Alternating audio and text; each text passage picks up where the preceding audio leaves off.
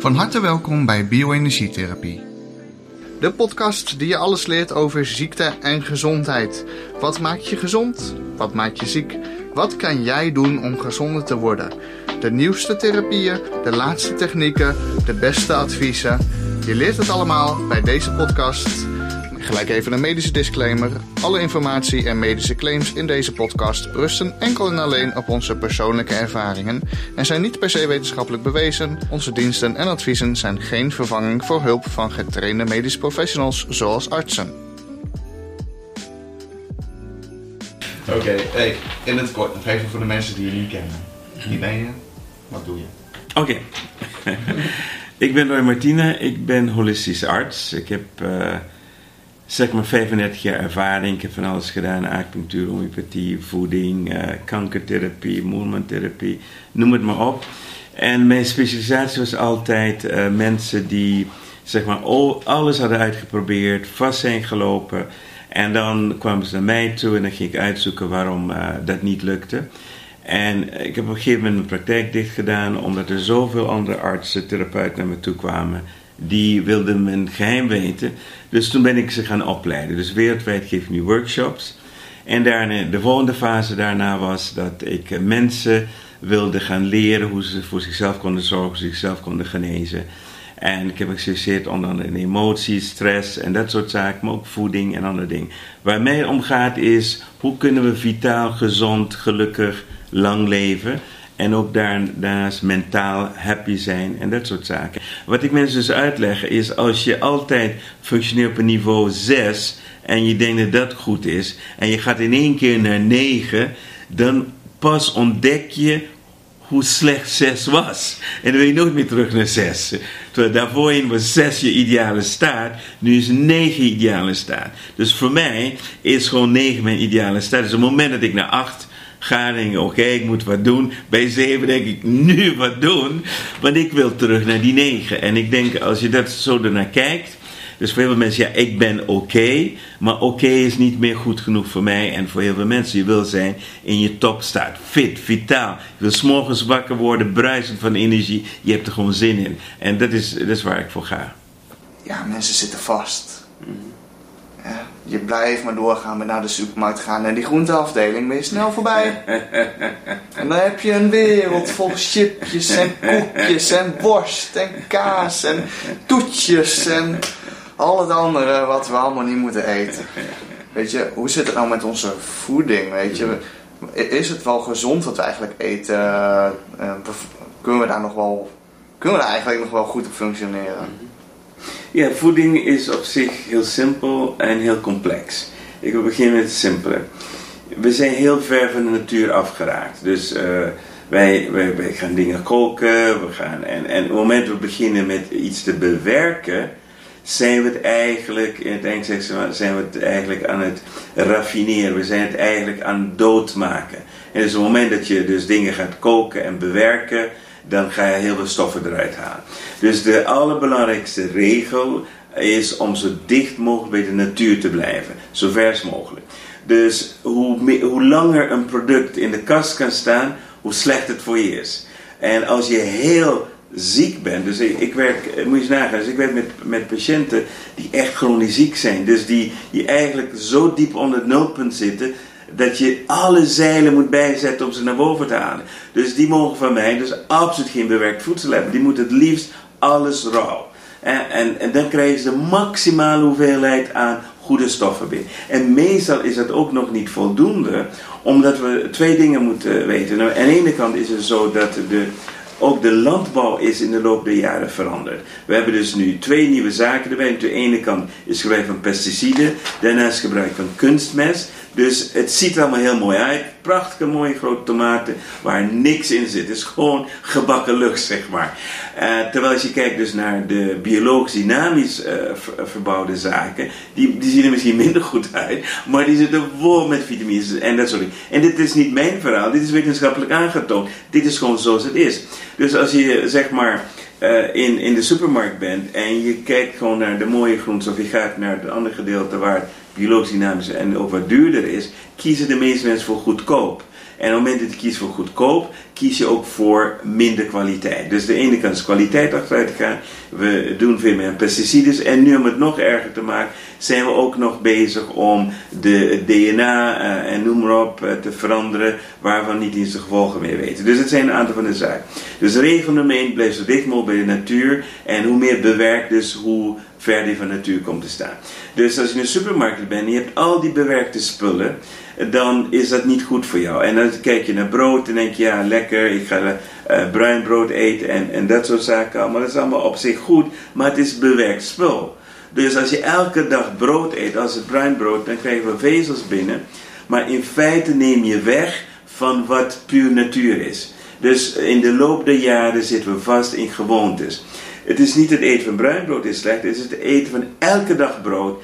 Dat is het dus. Dus je moet in heel veel variaties creëren in je voedselpatroon, zodat je heel veel verschillende stoffen binnenkrijgt. Als je het dus niet doet, dan krijg je altijd tekort. Of het vitamines zijn, of het mineralen zijn, of spoorelementen zijn.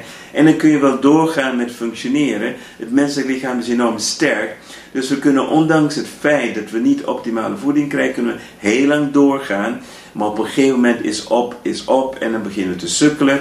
En dan gebeurt het allerergste wat je kan gebeuren is je lichaam is al verzwakt. Je komt bij een arts en die zegt, goh, uh, symptoom hier is een recept. Er wordt niets gedaan dus aan de oorzaak. Je krijgt dus een chemische stof eroverheen. Ja, die heeft bijwerking. Dan krijg je een andere chemische stof eroverheen. Met als gevolg dat je in een spiraal terechtkomt en soms kom je daar nooit meer uit. En dan krijg je als oordeel, maar even zo, dat je de rest van je leven pillen moet uh, gebruiken. Nou, dat hoeft dus niet. Ik ben een natuurarts. Ik werk niet met pillen. Ik heb mensen genezen die, waarvan mensen zeggen dat het ongeneeslijk is. En nummer 1 is altijd beginnen met de voeding en de ontgifting. Dat is eigenlijk de regel voor mensen die ziek zijn. Maar de regel voor mensen die niet ziek willen worden is ook zo dicht mogelijk bij de natuur. Veel water drinken en zorg dat je heel veel variaties hebt in je voedingspakket. En als het kan zo zuiver mogelijk en zo min mogelijk bewerkt enzovoort. En uh, nou goed, je hebt natuurlijk al, al, aardig wat dingen meegemaakt in je mm. leven met mensen die inderdaad ongeneeslijk ziek waren. Wat zijn nou een aantal in jouw ogen uh, ja, relatief veel voorkomende zo, uh, dingen die, die zogenaamd ongeneeslijk zijn, mm. die toch in jouw ogen relatief, even af, onafhankelijk van hoe, mm. te genezen zijn? Die gewoon echt, dat het gewoon, dat mensen die, nou thuis, die thuis zitten, dat kijken, en denken: verrek. Mm Ik zit ook al jaren onder acne, of ik heb ook dit. En hij zegt gewoon: ik moet gewoon gaan uitzoeken hoe, wat, hoe, wat hij bedoelt, ik moet er gewoon mee aan de gang. Ja. Weet je, eh, ik, ik zit nu 35 eh, jaar in het vak. Eh, ik ben begonnen hier in Nederland 35 jaar geleden. Ik heb alles gezien wat er bestaat. Nou. En dan heb je de chronische ziekte. En dan praat je dus over dingen zoals reuma. Nou, bij de gewone arts word je volgestopt met pillen. Nou, bij mij gaan we werken. Ik zeg niet dat het binnen een week opgelost is. Soms ben ik twee jaar met iemand bezig. Maar ik weet dat reuma te genezen is. Dan heb je mensen met hoofdpijn. Je hebt mensen met rugpijn. Je hebt mensen met allergieën. Hè. Dit komt heel vaak voor. Uh, vrouwen met menstrua menstruatieklachten. Je hebt eczeem. Ik heb baby's gehad met eczeem. Heel vaak was er niets anders dan melk eruit en eczeem die verdwijnt. Soms zijn kinderen gevoelig voor tarwe, kinderen met hyperactiviteit, noem maar op, autistische kinderen. Je, het gaat dus maar door. Je hebt natuurlijk ook te maken met emoties, je hebt ook te maken met stress, je hebt mensen die trauma's hebben, je hebt mensen dus die uh, toxines in, in hun lijf hebben. Dus kunnen allerlei redenen zijn, maar waar het om gaat is dat wij hebben als mens eigenlijk de natuurwetten overtreden. En ik ben helemaal niet religieus, het is ook geen religieus praatje, maar eh, wij gaan dus tegen de natuur in. En het heeft te maken met het simpele feit dat de voedselindustrie, die heeft maar één doel, is om ons rotzooi te verkopen, ons verslaafd te maken, zodat we door blijven kopen. De artsen weten niet beter, die, die, uh, die hebben de beste intenties, maar die werken op symptomen. Het verschil is wanneer je werkt met iemand die wel met meer holistisch is, dat wij kijken naar het hele plaatje. We zeggen: oké, hoe staat het met je voeding? Uh, hoe staat het daarmee? Enzovoort. Dus we gaan in feite je opnieuw uh, zeg maar begeleiden naar een nieuwe leefwijze. Een leefwijze waarbij je gezond eet, een leefwijze waar je leert om te gaan met stress, een leefwijze waarbij je leert om het verleden los te laten, enzovoort, enzovoort. Het is niet één ding, het is heel verschillende dingen. Als je dat dus gaat toepassen, dan gaan we terug naar, zeg maar, noemen we de natuurgeneeswijze.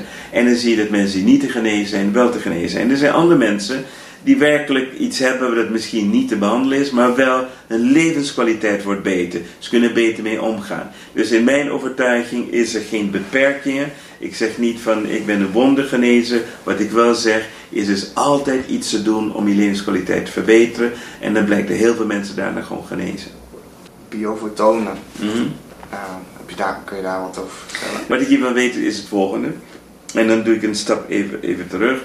Uh, we leven in een wereld waar we dus steeds meer leven onder kunstlicht. Hè? Dus als we gaan kijken, mensen gaan naar een kantoor toe en dan hebben ze die TL-lampen en dat soort dingen allemaal. Dus we zijn eigenlijk veel minder blootgesteld aan de natuurlijke impulsen. Wat, wat dus gebeurt ook, net zoals met straling, hebben we dus nu een nieuw probleem erbij, is dat we niet uh, volledige spectrum tot beschikking hebben. Wat ook een tekort gaat geven. Wat, wat heb gezien is bij wat met biofitonen gebeurt, is doordat we niet meer echt in de natuur leven, uh, is onze celstofwisseling, die cellen, die communiceren met elkaar via lichtsignalen. Dus dat wordt op een gegeven moment verstoord. Dus als je iemand bent die heel veel buiten leeft, nou ja, dan heb je ook uh, extra voordeel van wat daar gebeurt. Maar de normale, moderne mens, die heeft het dus niet meer. Dus die heeft veel meer last van regulatiesysteem dus niet werkt. En wat dus biofitonen in feite dus doen, is weer de celcommunicatie op gang brengen. Als je kijkt naar het lichaam, is het lichaam dus op zich heel simpel. Het lichaam is in feite een, een machine dat van natuur zichzelf ontgiftigt. Is een machine dat zichzelf geneest. In feite is, kun je het lichaam niet vergelijken met een auto, maar aan de andere kant, als je in de auto verkeerde benzine stopt, dan gaat die ook niet lekker rijden. Maar het lichaam is dus op zich veel malen gevoeliger. En wat er dus gebeurt, op een gegeven moment lopen we vast. En wat gebeurt als je gaat kijken naar het diepste niveau het lichaam, is celstofwisseling. Dus wat er gebeurt op een gegeven moment celstofwisseling, op een gegeven moment heb je in de cellen heb je dus natuurlijk de celkern, maar je hebt ook wat ze noemen de mitochondriën. En de mitochondriën dat zijn net kernreactoren. En wat er dus gebeurt is dat op een gegeven moment helpt om dat weer op gang te brengen. Dus eigenlijk het hele energiesysteem is naar beneden. En op een gegeven moment, het is niet direct een middel voor het immuunsysteem, maar indirect door het feit dat het lichaam meer energie krijgt, kan het eigenlijk doen wat het eigenlijk moet doen, maar niet kan omdat het te weinig energie heeft. Dus ik noem het net, eh, het is een soort kickstarting, het is een jumpstarting opnieuw van het systeem, waardoor het weer in beweging komt en daardoor zichzelf kan gaan regelen. Dus het immuunsysteem, wanneer het aangewakkerd wordt, kan doen wat geen enkele vorm van antibiotica doen, want die kan alles aanpakken. Virussen, bacteriën, kankercellen. En heel vaak is dat meer dan voldoende om opnieuw het zelfreguleerd vermogen eh, dus te, op te staan. In feite, heel veel therapieën doen niets anders dan het lichaam terug te brengen naar zijn natuurlijke staat. En dat is wat biofotonen dus doen. Het kan soms heel lokaal zijn dat je ergens zeg maar, impulsen nodig hebt. En dan gaat het weer stromen. Eh, hetzelfde principe als in de acupunctuur. De acupunctuur kijkt naar je systeem. Die zegt je energie stroomt niet. Als we een naaldje hier stoppen, dan openen we weer een kanaal. En je zou kunnen zeggen dat de biofotoon een soort moderne vorm is van acupunctuur. Maar het is niet echt acupunctuur, het is heel andere principes. Waardoor het, gaat stromen weer in je lichaam. De cellen communiceren met elkaar. Waardoor het als het ware weer een soort opluchting komt voor het systeem. En dan kan je lichaam doen wat het normaal doet en het zichzelf helen. Heel simpel. En uh, ik geloof absoluut dat dat een van de vormen van de geneeskunde van de toekomst is. Ik doe een voorspelling heel simpele voorspelling is dat als men in het ziekenhuis iedereen die binnenkomt met biofotonen of fotonenlicht gaat behandelen, dat het ziekenhuis binnen no time leegloopt. Dat is mijn voorspelling. Zo simpel is het omdat mensen die in het ziekenhuis komen niet het zelfregulerend vermogen hebben. Dus als je dat weer opstart, gaan ze zichzelf weer genezen. De tijd in het ziekenhuis wordt korter. Ze hebben minder medicijnen nodig, hebben minder complicaties, hebben minder infecties. En dan zou stellen dat een gemiddelde lichtduur in een ziekenhuis, ik noem iets, over na een operatie, uh, zeven dagen is, wordt het teruggebracht naar drie dagen. Dat is hoe krachtig biofotonen werkt. Met, en ik doe een tweede voorspelling, dat ziekenhuizen nooit dit zullen toelaten, want het is niet in het belang. Jammer, maar jij weet het, dus jij kan er wel wat aan doen. Nee, het weet gewoon te goed inderdaad. Uh, het is gewoon wat het is. Weet je, een ziekenhuis is een hotel met kamers. Die moet En hoe langer, worden. die, hoe langer die mensen blijven liggen, hoe beter. Weet je, het, het is geen liefdadigheidsinstelling Nee, zoals veel mensen hebben de illusie dat de ziekenhuizen No way. er zijn om mensen te helpen, maar het zijn gewoon commerciële Het instellingen. is business. Ik weet niet of je er iets van weet, of je er iets over kan vertellen over eh, ja, die vitaminesupplementen. Wat ons dan, eh, kijk, er wordt ons wel, eh, wel verteld, ja, onze voeding bevat te weinig vitamine. En de oplossing staat klaar in de vorm van een pil vol met synthetisch gefabriceerde imitatievitamine die dan net zo goed zouden werken. Of misschien iets minder, maar dan stoppen we er gewoon tien keer zoveel in, joh. Maar naar mijn mening maak je daarmee het probleem alleen maar groter. Omdat jij je lichaam verzadigt met kopietjes die niet werken. Waardoor je de echte levende vitamine. ja, je- Als je, je, je lichaam denkt, nou ja, vitamine C in een pil, nou het zit er, ik ben het niet meer nodig. Eet je dan een appeltje, dan in mijn, naar mijn mening eet je, neem je vervolgens echt vitamine minder goed op daardoor. Mhm. En is het onverantwoord, juist onverantwoord, als je vitaminegebruik hebt om met, met, met synthetische supplementen te gaan werken. Nou, wanneer we praten over vitamines, dan, dan is het een, op zich best een heel complex terrein. Want je hebt eh, in de vitamines kun je onderverdelen in allerlei eh, soorten vitamines. Je hebt eh vetoplosbare vitamines, wateroplosbare vitamines, dat is al een groot verschil.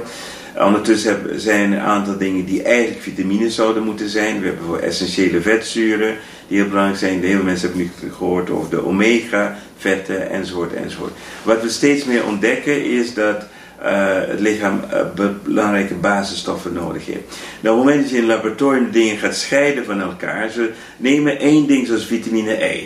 Die gaan we nu scheiden. Dan hebben we dus alpha-tocopherol, je hebt delta-tocopherol, je hebt tocotrienols en je hebt dit en dat. En dan ga je allemaal uit elkaar halen. Dus het is geen vitamine E meer. In de natuur, wat je dus krijgt in een pilletje, bestaat niet in de natuur. En met als gevolg is dat je misschien wel een goede stof binnenkrijgt, maar dan krijg je te veel van de goede stof binnen.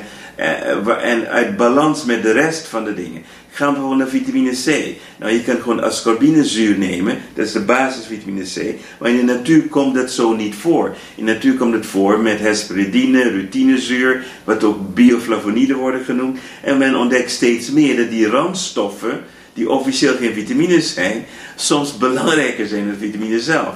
Dus op het moment dat we het in een lab gaan produceren en je gaat dus naar bijvoorbeeld een vitaminewinkel, dan heb je daar het kruidvat heeft ook een vitamine, noem maar op, en dan die heeft ook een vitamine. Die zegt hier zitten al je stoffen in, complete onzin. En dat is in feite helemaal niet waar, maar het is puur chemisch. Dat komt niet in de natuur voor. Dat is een chemische bom die je wordt gegeven en wordt een illusie aan je verkocht. Dus de regel nummer 1 is, als je niet uit de voeding kunt halen, dan wil je de, de, de voeding zo compact mogelijk maken. Ze hebben tegenwoordig van die superfoods waar alles in zit. Dat is veel dichter bij de natuur. Dus hoe dicht je bij de natuur blijft, dat is de enige grondregel die ik aan jullie wil meegeven. Hoe gezonder, hoe verder je van de natuur afgaat, hoe toxischer en chemischer het is. Dus als, als regel, het best, de beste is supervoeding gebruiken. Dus werkelijk richt op je voeding. Als je dat niet kan, en, en, en we zijn allemaal lui en we zijn allemaal makkelijk geworden, dan zoek je hulp erbij. Dan heb je extra stoffen nodig. Heel veel mensen hebben gehoord ook een vrij radicale antioxidanten en dat soort zaken. In feite, de rode kleurstof, bijvoorbeeld uit rode bietensap, wat heel veel mensen dus niet weten, is een van de beste stoffen voor je circulatie. Nou, hoe vaak eh, eet je rode bieten? Heel weinig. Dus bijvoorbeeld het drinken van rode bietensap gaat die circulatie al verbeteren. Nou, dat is voor mannen heel erg belangrijk, want heel veel mannen gebruiken heel veel Viagra-pillen. Heb je niet nodig, drink nog gewoon rode bietensap, gaat vele malen beter. Zo zijn er heel veel dingen die we wel met een pil kunnen oplossen, maar die in de natuur dat gewoon niet nodig is. En dat is wat we in feite moeten doen. En mijn advies voor iedereen is: je moet voor jezelf zorgen. Je moet jezelf gaan voorlichten. Je moet jezelf gaan opvoeden, zodat je een expert wordt over je eigen gezondheid en vitaliteit. En, en eh, die vitamine in die pillen, eh, doet het nog iets? Goed of slecht? Nou, als je dus eh, gaat kijken naar doen de vitaminepillen wel, ja of niet. Kijk, aan de ene kant, als je voeding zo radicaal slecht is, dan doet alles wat. Dat is aan de ene kant dus de grote uitdaging. Maar heel vaak is het, we hebben ook iets anders wat heel veel mensen dus niet weten, hebben het placebo-effect. Placebo-effect, Het woordje placebo betekent behagen. Dus het feit dat je gelooft dat als je een chemische vitaminepil neemt, omdat je gelooft dat iets goeds voor je doet, is die geloofsvertuiging dat je het goede gevoel geeft. Chemisch gebeurt er niks, maar omdat je iets doet voor jezelf, geloof je dat het goed gaat. Dus het is heel moeilijk om het te ontrafelen. Maar wanneer iemand echt ziek is, dan werken de vitaminepillen absoluut dus niet. Dus heel veel mensen die een vitaminepil gebruiken, die niet ziek zijn, die het preventief doen, die doen het voor het goed gevoel, omdat het helemaal niet werkt. Dus maar wanneer je echt aan jezelf wil werken, moet je echt investeren. De chemische uh, mensen vertel je onzin. Die zeggen ja, het maakt niet uit, een vitamine is een vitamine. Absoluut dus niet waar. En ik kan dat uh, zeggen omdat ik als arts gewoon met mensen werk die moeilijk te genezen zijn. En als je werkt met chemische pillen, gebeurt er gewoon niets. Dat is eigenlijk groot verschil. Ik ben zelf uh, al jaren bezig, ook uh, los van, uh, van, van gezondheid, in een andere hoek. Mm. Straling, mm. wifi, gsm, UMTS-masten in Nederland en Amerika. Het, wordt allemaal massaal volgebouwd. En er zijn steeds meer onderzoeken die aantonen van ja jongens, het is allemaal niet verantwoord. Mm. Weet je, het, het, het verstoort je energieveld, het beschadigt je cellen. En ik probeer daar met alles wat ik doe aandacht voor te vragen, maar dat is zo moeilijk. Mm. Omdat mensen gewoon niet kunnen begrijpen mm. dat als de overheid het toestaat, het toch kwalijk kan zijn. En waarom het dan kwalijk is. Want je ruikt het niet, je voelt het niet en je ziet het niet. Wat is jouw visie daarover? Mm. Ja, um, mijn visie is heel simpel, want we hebben een regel en dat heet meten is weten. En dus, dat is heel belangrijk. Dus je kan het gewoon meten. Het, heeft, verhaaltjes zijn mooi, moet je erin geloven of niet. Dit, wat ik doe is geen religie. Ik geloof nergens in. Als ik een, een patiënt voor me heb die heeft problemen, dan ga ik onderzoeken waar komt het door. En nou, dan zie je dus een verschuiving in de tijd. Uh, dus bijvoorbeeld, ik heb wat we noemen kankerclusters ontdekt. Ik werkte op Curaçao en er waren dus, uh, dus, dus heel overzichtelijk, een klein eilandje, 180.000 inwoners. Ik, ik ben daar zeg maar de uh, alternatieve arts daar. Mensen komen overal naar me toe. Ik heb mijn eigen televisieprogramma. Maar op een gegeven moment ontdek ik gewoon bepaalde gebieden dat er kankerclusters waren. Toen ben ik gaan onderzoeken, wat zit er nou daar? Waarom mensen uit die wijk zoveel komen met kanker. Nou, wat blijkt? Dan zit er dan in zo'n wijk, zit wat we noemen van die transformatorkasten. Nou, dat wordt dus elektriciteit wordt daar zeg, van de ene spanning naar een andere gebracht. En ik ben toen op onderzoek uitgegaan. Dit was nog lang voordat we draadloze telefoons hadden. Heb ik al ontdekt dat er een, een, een, over, uh, zeg maar, een, relatie is tussen elektromagnetische straling en ziekte. Nou, kanker is daar één voorbeeld van. Uh, daardoor kwam ik op het idee. Uh, het had ook iets anders kunnen zijn. Nou, dan ga je verder zoeken.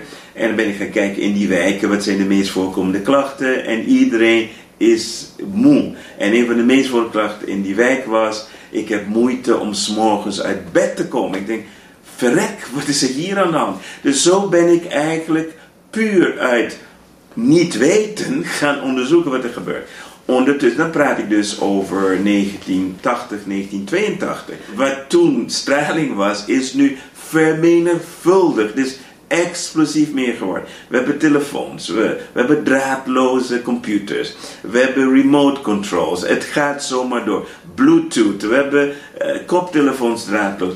We hebben een explosie nu van elektromagnetische straling om ons heen. Dus als we nu gaan kijken, wat is nu hip? burn-out, chronische vermoeidheid, mensen hebben vage klachten, enzovoort, enzovoort. Nou, ik hoef niet eens meer onderzoek te doen, ik weet het al. De grootste probleem waar mensen nu aan blootgesteld worden, het onzichtbare, dat zijn dus de elektromagnetische straling. Het vervelende hiervan is dat het niet één probleem creëert. Ik zeg niet dat je daar kanker van krijgt. Dat, ik weet dat van vroeger, van die transformatoren, dat dat gebeurde in die wijk, een hoger percentage kanker. Maar wat je dus wel krijgt zijn vage klachten. Net niet lekker. Het is net alsof die elektromagnetische straling je energie opzuigen. Eh, net, alsof je lekt, zeg maar. En dat is eigenlijk het grootste probleem. Omdat het zo vaag is, kun je niks aantonen. En vandaar dus dat de telefoonmaatschappij, die kunnen vrolijk vertellen, de straling is allemaal in, op wettelijk niveau. Dat is waar. Maar waar het om gaat is dus niet alleen de telefoon. Je hebt ook nog draadloze, eh, zeg maar, eh, wireless verbinding, wifi in, in je huis. Je hebt remote control, je hebt bluetooth, je hebt dit, je hebt dat. Al die zaken bij elkaar. Plus nog eens gifstoffen. Plus nog eens defecte voeding. En op een gegeven moment word je ziek. En niemand weet meer waardoor. Dus het probleem is niet dat die, die straling één ziekte veroorzaakt. Het probleem is die straling jouw systeem verzwakt waardoor je gevoeliger wordt en daardoor ziek kunt worden. Dus mijn advies is gewoon om wat we noemen dus die straling, dus als het ware een tegenstraling te geven. Je moet een manier vinden om te, dat doen. En daar zijn nu allerlei interessante apparaten voor in de markt. Als je bij mij in mijn huis komt, hebben we overal zeg maar, dingen staan om dus zeg maar, net zoals je tegenwoordig van die koptelefoons hebt, waarbij je achtergrondgeruis kunt weghalen. Zo kan het tegenwoordig zijn er verschillende bedrijven die daarin gespecialiseerd zijn. Dus als je moe bent, vage klachten hebt, je voelt je niet lekker, je hebt ochtends moeite om uit bed te komen, dan zou ik absoluut daarnaar gaan kijken. Ja, super duidelijk, super duidelijk. Ook uh, ja, dat je er al zo lang geleden inderdaad al uh, ja, echt, uit eigen ervaring zag van ja, weet je, waar, waar, waar veel elektromagnetische straling is. En toen was het nog geen draadloze techniek, maar van die transformators die ook gigantisch veel straling. En dat was nog relatief weinig inderdaad, met waar we nou aan blootgesteld dit worden. Dit is dus gigantisch. We zetten de dektelefoon uh, naast onze tafel bij de bank, want we moeten niet te ver lopen als hij gaat. En het wifi-modem staat aan de andere kant in de meterkast. En de telefoon met wifi en bluetooth aan zit in de broekzak. En zo gaan we door. En overal omheen zie ik echt dat mensen moeder van worden en, en niet fit. En dan, en dan zeg je van doe er wat aan. En dan kijken ze je aan alsof je gek bent. Ja, ja, wrong with ja zeker. Nee, maar daarom, zo zie ik het ook. Van een paar behandelingen biofotonen. En die mensen even weer een kickstart geven, aanslingeren. Zodat ze weer op gang kunnen. En ondertussen inderdaad die straling eruit. Wat tips over voeding weg met, met chemische rommel. En weet je, herstart je gezondheid. Ja, maar toch. Dat is mijn hele concept. en ga met die banaan. Ja. Je lichaam kan het verder zelf. Weet je, ik ben geen genezer. Nee, je hoeft ook niet te Ik geef je de tools. Ja, ja, ja. En, en uh, oké, okay. Candida. Mm -hmm. Candida, uh, ja, Weet je, ik heb er natuurlijk een heel verhaal over. Mm-hmm. Maar het is ook fijn als iemand met praktijkervaring kan zeggen van nou, dat kan best wel voor problemen zorgen. Mm-hmm. Nou, in, als je praat over candida, uh, hebben mensen over candida gehoord, gist en, en, noem maar op, en sorry, schimmel, bla bla bla enzovoort. Het is, het is complex. Wat heel veel mensen denken, candida is je vijand, maar het is helemaal dus niet zo. Dus in feite, in elk gezond persoon zijn er altijd uh. Maar als je zeg maar, je immuunsysteem functioneert prima, dan hou je het onder controle, vooral immuunsysteem en je voeding, niks aan de hand. Maar op het moment dat je voeding dus in feite bijvoorbeeld heel veel suikers bevat, dan, of je krijgt een antibiotica kuur, in één keer wordt het evenwicht in je darmen verstoord. En dan heb je op een gegeven moment overwoekering in feite bijvoorbeeld van uh, schimmels, of in dit geval candida. Dus je kijkt naar candida is eigenlijk een soort gelegenheids uh, dief of een gelegenheidsvijand. Dus op een gegeven moment is het systeem overwoekerd en nu krijg je in je darmen dat die candida dus zeg maar uh, de, de baas worden. Die, ze gaan dus meer gifstoffen produceren, die lekken je darm in. Ze kunnen je darmwand op een gegeven moment aantasten. En dat, dat heet dan leaking gut syndroom. Nu in één keer is je slijmvliezen beschermen niet meer tegen de stoffen. Je wordt daardoor overgevoeliger, allergisch en noem maar op. In één keer zit je in een cirkel. Ik heb voor het eerst echt met Candida uh, kennis gemaakt in, twee gebieden. Eén is dus uh, bij kankerpatiënten, dus die worden op een gegeven moment met chemotherapie behandeld en weet niet allemaal. Hun immuunsysteem verzwakt zozeer dat ze overwoekerd wordt met Candida en dan sterven ze niet aan kanker, maar aan Candida. En dat was de eerste ervaring daarmee. En vervolgens, omdat ik heel veel werk met chronische patiënten, zeg maar mensen die chronisch ziek zijn, langdurig ziek zijn en, en heel veel medicijnen hebben gehad en vaak geen goede voeding hebben, zie je bij hen ook heel veel candida komen. Dus, en je kan ze niet genezen zolang de candida dus overwoekert. Dus je moet het gaan aanpakken om, om weer een stuk evenwicht te creëren zodat ze kunnen genezen. Dus in, in dat soort gevallen speelt het een belangrijke rol. Maar heel veel mensen weten het niet eens dat ze candida hebben. En dat is dus eigenlijk de allergrootste probleem die we nu tegenkomen. Mensen hebben vage klachten, ze voelen zich niet lekker, ze hebben allerlei spijsverteringsstoornissen, het hele systeem is ontregeld. En die gaat naar de dokter toe, de dokter kan niks vinden. Dus die zegt, ja, het zit allemaal tussen je twee oren. Nou, dat is helemaal dus niet waar. En, en dat heeft dus te maken, dus, en heel vaak zie je dat deze mensen hebben antibiotica gehad, of die zijn verslaafd aan zoet en, en dat soort dingen. Maar ze weten dus niet dat ze candida hebben. En daardoor is candida een heel groot probleem geworden in onze maatschappij. Aan de ene kant puur door gebruik van te veel antibiotica, maar ook antibiotica bij vee. dus we stoppen vee vol met antibiotica. En ten tweede is gewoon duur onze voeding. En dat zijn de twee factoren waardoor er nu een epidemie bestaat van candida dat niet wordt ontdekt. Waardoor heel veel mensen met vage klachten rondlopen, doorsukkelen en, en, en daardoor zich niet lekker voelen. En wanneer we dat aanpakken, dan gaan de mensen weer blij worden, voelen zich weer fit en vitaal.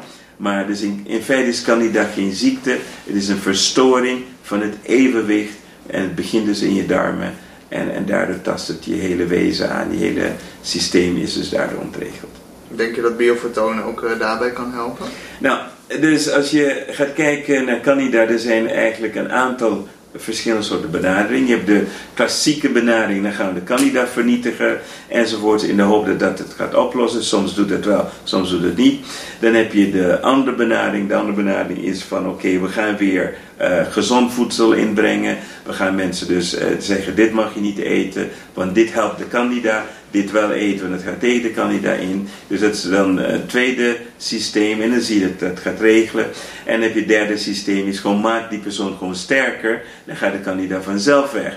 En in dat geheel uh, past dus die hele fotonentherapie, want je gaat nu ervoor zorgen dat het lichaam zichzelf geneest. Dus in feite zijn er altijd in, bij ziekte zijn er altijd heel veel verschillende soorten benaderingen. Maar waar het uiteindelijk om gaat, en dit is het allerbelangrijkste, is dat jouw lichaam weer teruggebracht wordt naar de staat dat het zichzelf kan genezen en zichzelf kan herstellen. Dat is eigenlijk het allerbelangrijkste. Stress. Hm? Stress. Stress.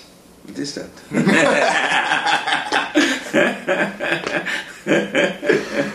dus als je mij vraagt over stress, is het niet drukte. Ik vind drukte vind ik heerlijk. Ik geniet van drukte. Maar er zit wel een gevaar in, want je kan uh, jezelf dus verdoven. En, en de, dan kun je wat noemen worden een adrenaline junkie. Dus je kan dus stress hebben zonder te weten dat je stress hebt. Dat is de allergevaarlijkste stress. Sommige mensen voelen stress. Die, die, oh god, het wordt allemaal te veel enzovoort. Nou, dat zijn de gelukkigen, zeg ik even zo. Want je weet dat je een probleem hebt. Maar de mensen dus die verslaafd zijn aan stress dat is een heel andere. Want wat er dan gebeurt is je dus maar doorjakken, doorgaat en geen tijd neemt voor jezelf, geen tijd neemt om te herstellen, word je wat we noemen een adrenaline junkie. En op het moment dat je dan gaat ontspannen, je gaat op vakantie, stort je in elkaar. Dus wanneer je niet op vakantie gaat, gewoon doorgaan. En dan vernietig je systeem. We hebben in ons lichaam hebben we, uh, een kleine klier, dat zijn de bijnieren. En die zorgt voor onze adaptatievermogen. Die worden uitgeput. Dat zijn ook je batterijen, die laden dus niet meer op. Dus stress is aan de ene kant super gevaarlijk. Uh, als je daar niet mee weer om, om te gaan, of je raakt er verslaafd aan. Dus wat, wat is nou eigenlijk stress? Stress is het overlevingsprincipe. er is gevaar en daar gaan we op reageren. Dan moeten we vechten of vluchten. Dat zit in ons ingebouwd. Kunnen we niks, niks aan doen. dus, maar als we, als we gestrest worden en er is geen ontlading. Dus er is geen, de spanning en ontspanning is er niet, blijft de spanning bestaan. En daardoor put je dus je lichaam uit. En daardoor raak je in een spiraal. En daardoor krijg je klachten, hoge bloeddruk. Op een gegeven moment ga je slecht slapen. Je voelt je moe, je wordt prikkelbaar. En je krijg, kan ook zelf ziek van worden.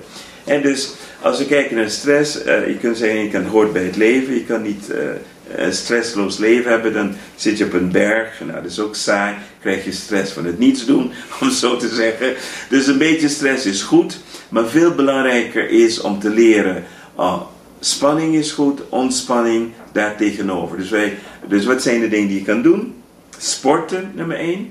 Uh, je kan leren mediteren, je kan yoga leren, je kan tai chi, Qigong, uh, noem op. Je hebt tegenwoordig zelfs CD's. Ik heb honderden CD's gemaakt om mensen te trainen in te ontspannen. Dus wij moeten in deze drukke maatschappij een methode vinden waardoor wij ons weer kunnen ontspannen. Het allerbelangrijkste moment om te ontspannen is voordat je gaat slapen. Dus je moet een, een methode krijgen waar je alles kan loslaten voordat je gaat slapen. Je wil niet gaan slapen met spanning, want dan slaat het op in je lichaam en dan ga je op een gegeven moment ga je lijden aan stress en dan heb je dus een probleem. Dat, uh, dat vind ik ook het mooie bijkomstigheid van die fotonentherapie trouwens. Dat omdat je lichaam beter in balans raakt of zo, je slaapt gewoon beter. Ja, absoluut. En de slaap is zo belangrijk. Als je niet goed slaapt, dan ga je kapot. Ja, absoluut. En, en dus, uh, met slaap is er één ding uh, belangrijk heb ik ontdekt, is uh, het is niet de hoeveelheid uren die je slaapt, het is hoe effectief je slaapt. Ga mediteren, weet ik het. Mm. Nou, het is heel simpel. Ik heb goed nieuws en slecht nieuws. Ik zal beginnen met slechte nieuws. Het slechte nieuws is, we hebben een antiek lichaam. En we leven in een moderne wereld.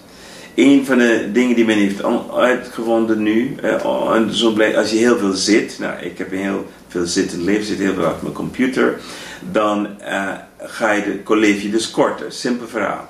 Uh, het heeft niets te maken met sport of niet sporten. Je kan sporten s ochtends. Ik sport elke ochtend minstens een uur. Vind ik lekker. Dan, dan begint mijn dag pas. Maar het feit dat ik de hele dag zit, is weer een nadeel dat niet opgegeven wordt door sport.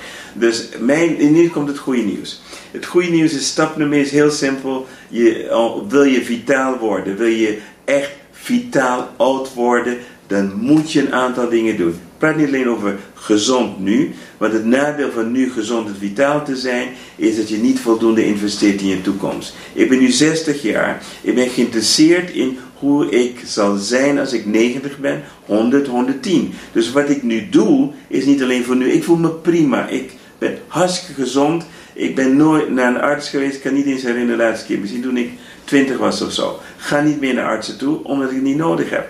Dus dat kun je namelijk ook. Iedereen kan het doen. Het goede nieuws is, het is simpel. Een van mijn trucs die ik dus toepas, nummer 1. Ik drink 3 liter water per dag. Waarom? Omdat ik nu om het half uur moet ik opstaan en dan moet ik naar het toilet. Dat is dus één. Dus ik heb nu beweging. Zo simpel is het. Ik heb twee dingen. Water. Ik ontgiftig mijn lichaam. Ik moet bewegen. Tweede is nu zo, en dit is nu belangrijk. Hoe, hoe waardevol ben je voor jezelf? Ik investeer in mijn gezondheid. Dus ook al ben je gezond, heb je niks, is mijn advies. Ga naar een goede coach of een goede therapeut om te investeren in je toekomst. Ben je ziek, dan moet je investeren. Niet alleen voor je toekomst, maar ook in het nu. Dus als je ziek bent, lijkt het alsof het slecht is, maar dit is dus niet zo. Iemand die ziek is, die is gemotiveerd om wat te gaan doen. Daardoor ga je dingen leren. Nou, wat moet je leren over de voeding? Wat is goede voeding voor jou? Nou, dat is heel simpel. Er is heel veel informatie. Ik heb je aangegeven, de, de belangrijkste wet is zo natuurlijk mogelijk. Nummer twee is het zo, als je niet vitaal bent, als je niet zit op een 8 of een 9, als je niet s'morgens opstaat en je voelt je super bruisend en vitaal, moet je wat doen. Want het gaat niet beter worden. Hier is het slechte nieuws. Als jij niks doet, gaat het alleen maar achteruit. Het is een kwestie van tijd. Misschien ben je nu redelijk, over vijf jaar ben je niet meer redelijk. En ik kan je voorspellen, over twintig jaar zit jij gewoon in een lappenmand. Dus begin nu met te werken aan jezelf. Dus uh, zoek iemand uit die je kan begeleiden, expert, die je kan aanraden. Wat voor soort uh, goede uh, voeding is er? wat kun je extra nemen? Wel of geen vitamines? Beweeg je lichaam, dat is enorm belangrijk. Vind iets ook om te ontspannen.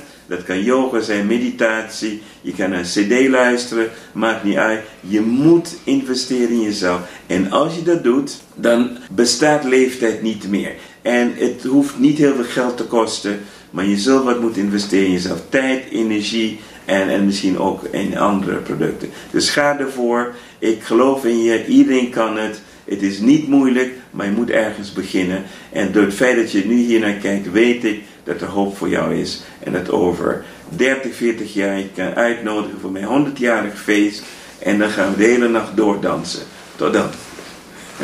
ik zie jou echt graag nog over 20 jaar, dan zit er een man van 80. Man, ik voel me hartstikke goed, weet je. Die? Kai die is echt zo lekker bezig geweest met die therapie, joh. Ik vind het heel mooi. Nee, dan kom ik je zeker nog wel een keer opzoeken. Dan kunnen we nog even naar voor en naar... Absoluut Maar- een feit. Denk jij, eh, je kent mij. Oké, nu komt het testimonial. Nou, op de eerste plaats eh, is het dus zo dat. ehm, laten we beginnen. Ik zit hier. Ik ben begonnen met dit vak in 1980. Dus we praten nu over 34 jaar. Ben ik eh, fulltime alternatief, holistisch bezig enzovoort. Ik heb van alles en nog wat gezien. Ik ben, eh, mag je gerust zeggen, een van de wereldexperts op het gebied van holistische geneeskunde. Ik heb nu 75 boeken geschreven om een, alleen maar even aan te geven hoeveel er dus is. En als ik nu kijk naar iemand zoals Kai, die heeft een enorm voordeel. Hij is namelijk een ervaringsdeskundige. Een ervaringsdeskundige is iemand die zelf het pad heeft gelopen. Ik heb zoveel therapeuten gezien die hebben zeg maar een, een roeping. Die, die, die, die doen het omdat zij mensen willen helpen. Dat is één categorie.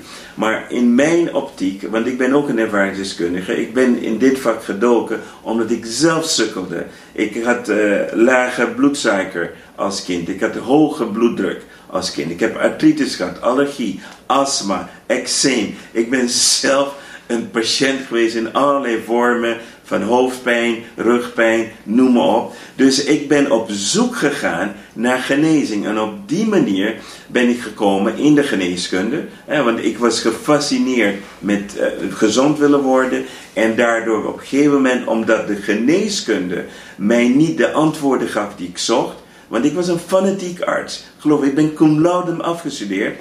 Ben ik verder gaan zoeken. Ik ben alternatief arts geworden, niet uit geloofsovertuiging. Ik, ik draag geen geitharen wollen sokken. Ik, ik ben niet een spiritist die de hele dag zit te meten. Ik ben iemand gericht op resultaat. Mensen betalen mij voor resultaat. En wat ik zie in Kai is de jonge versie van mezelf. Dus ik zie iemand die zelf van alles heeft meegemaakt, die overal is geweest en daardoor gefascineerd is geworden met gezondheid. En wat is het verschil? Is je bent zoekende. Je bent zoekende voor jezelf, want je wil het weten. En dan tweede is, je wil een ander vertellen, wil de ander overbrengen. En doordat je een ander wil overbrengen, merk je überhaupt dat niet iedereen hetzelfde is als jij. Dus dan ga je verder zoeken, want je wil mensen helpen. Je bent onvermoeibaar, dag en nacht mee bezig. En een van de allerbelangrijkste is, en dat zie ik ook aan mezelf, het gaat niet eens om geld, het gaat om een roeping die voortkomt uit eigen pijn. Dus aan iedereen, als je naar Kai toe gaat, kan ik je één garantie geven. Hij zal niet rusten tot hij heeft geholpen. Als hij extra moet gaan studeren om jouw oplossing te vinden, gaat hij dat doen. Dus ik kan gerust eh, tegen iedereen zeggen van ga naar hem toe, je bent in goede handen. Dankjewel.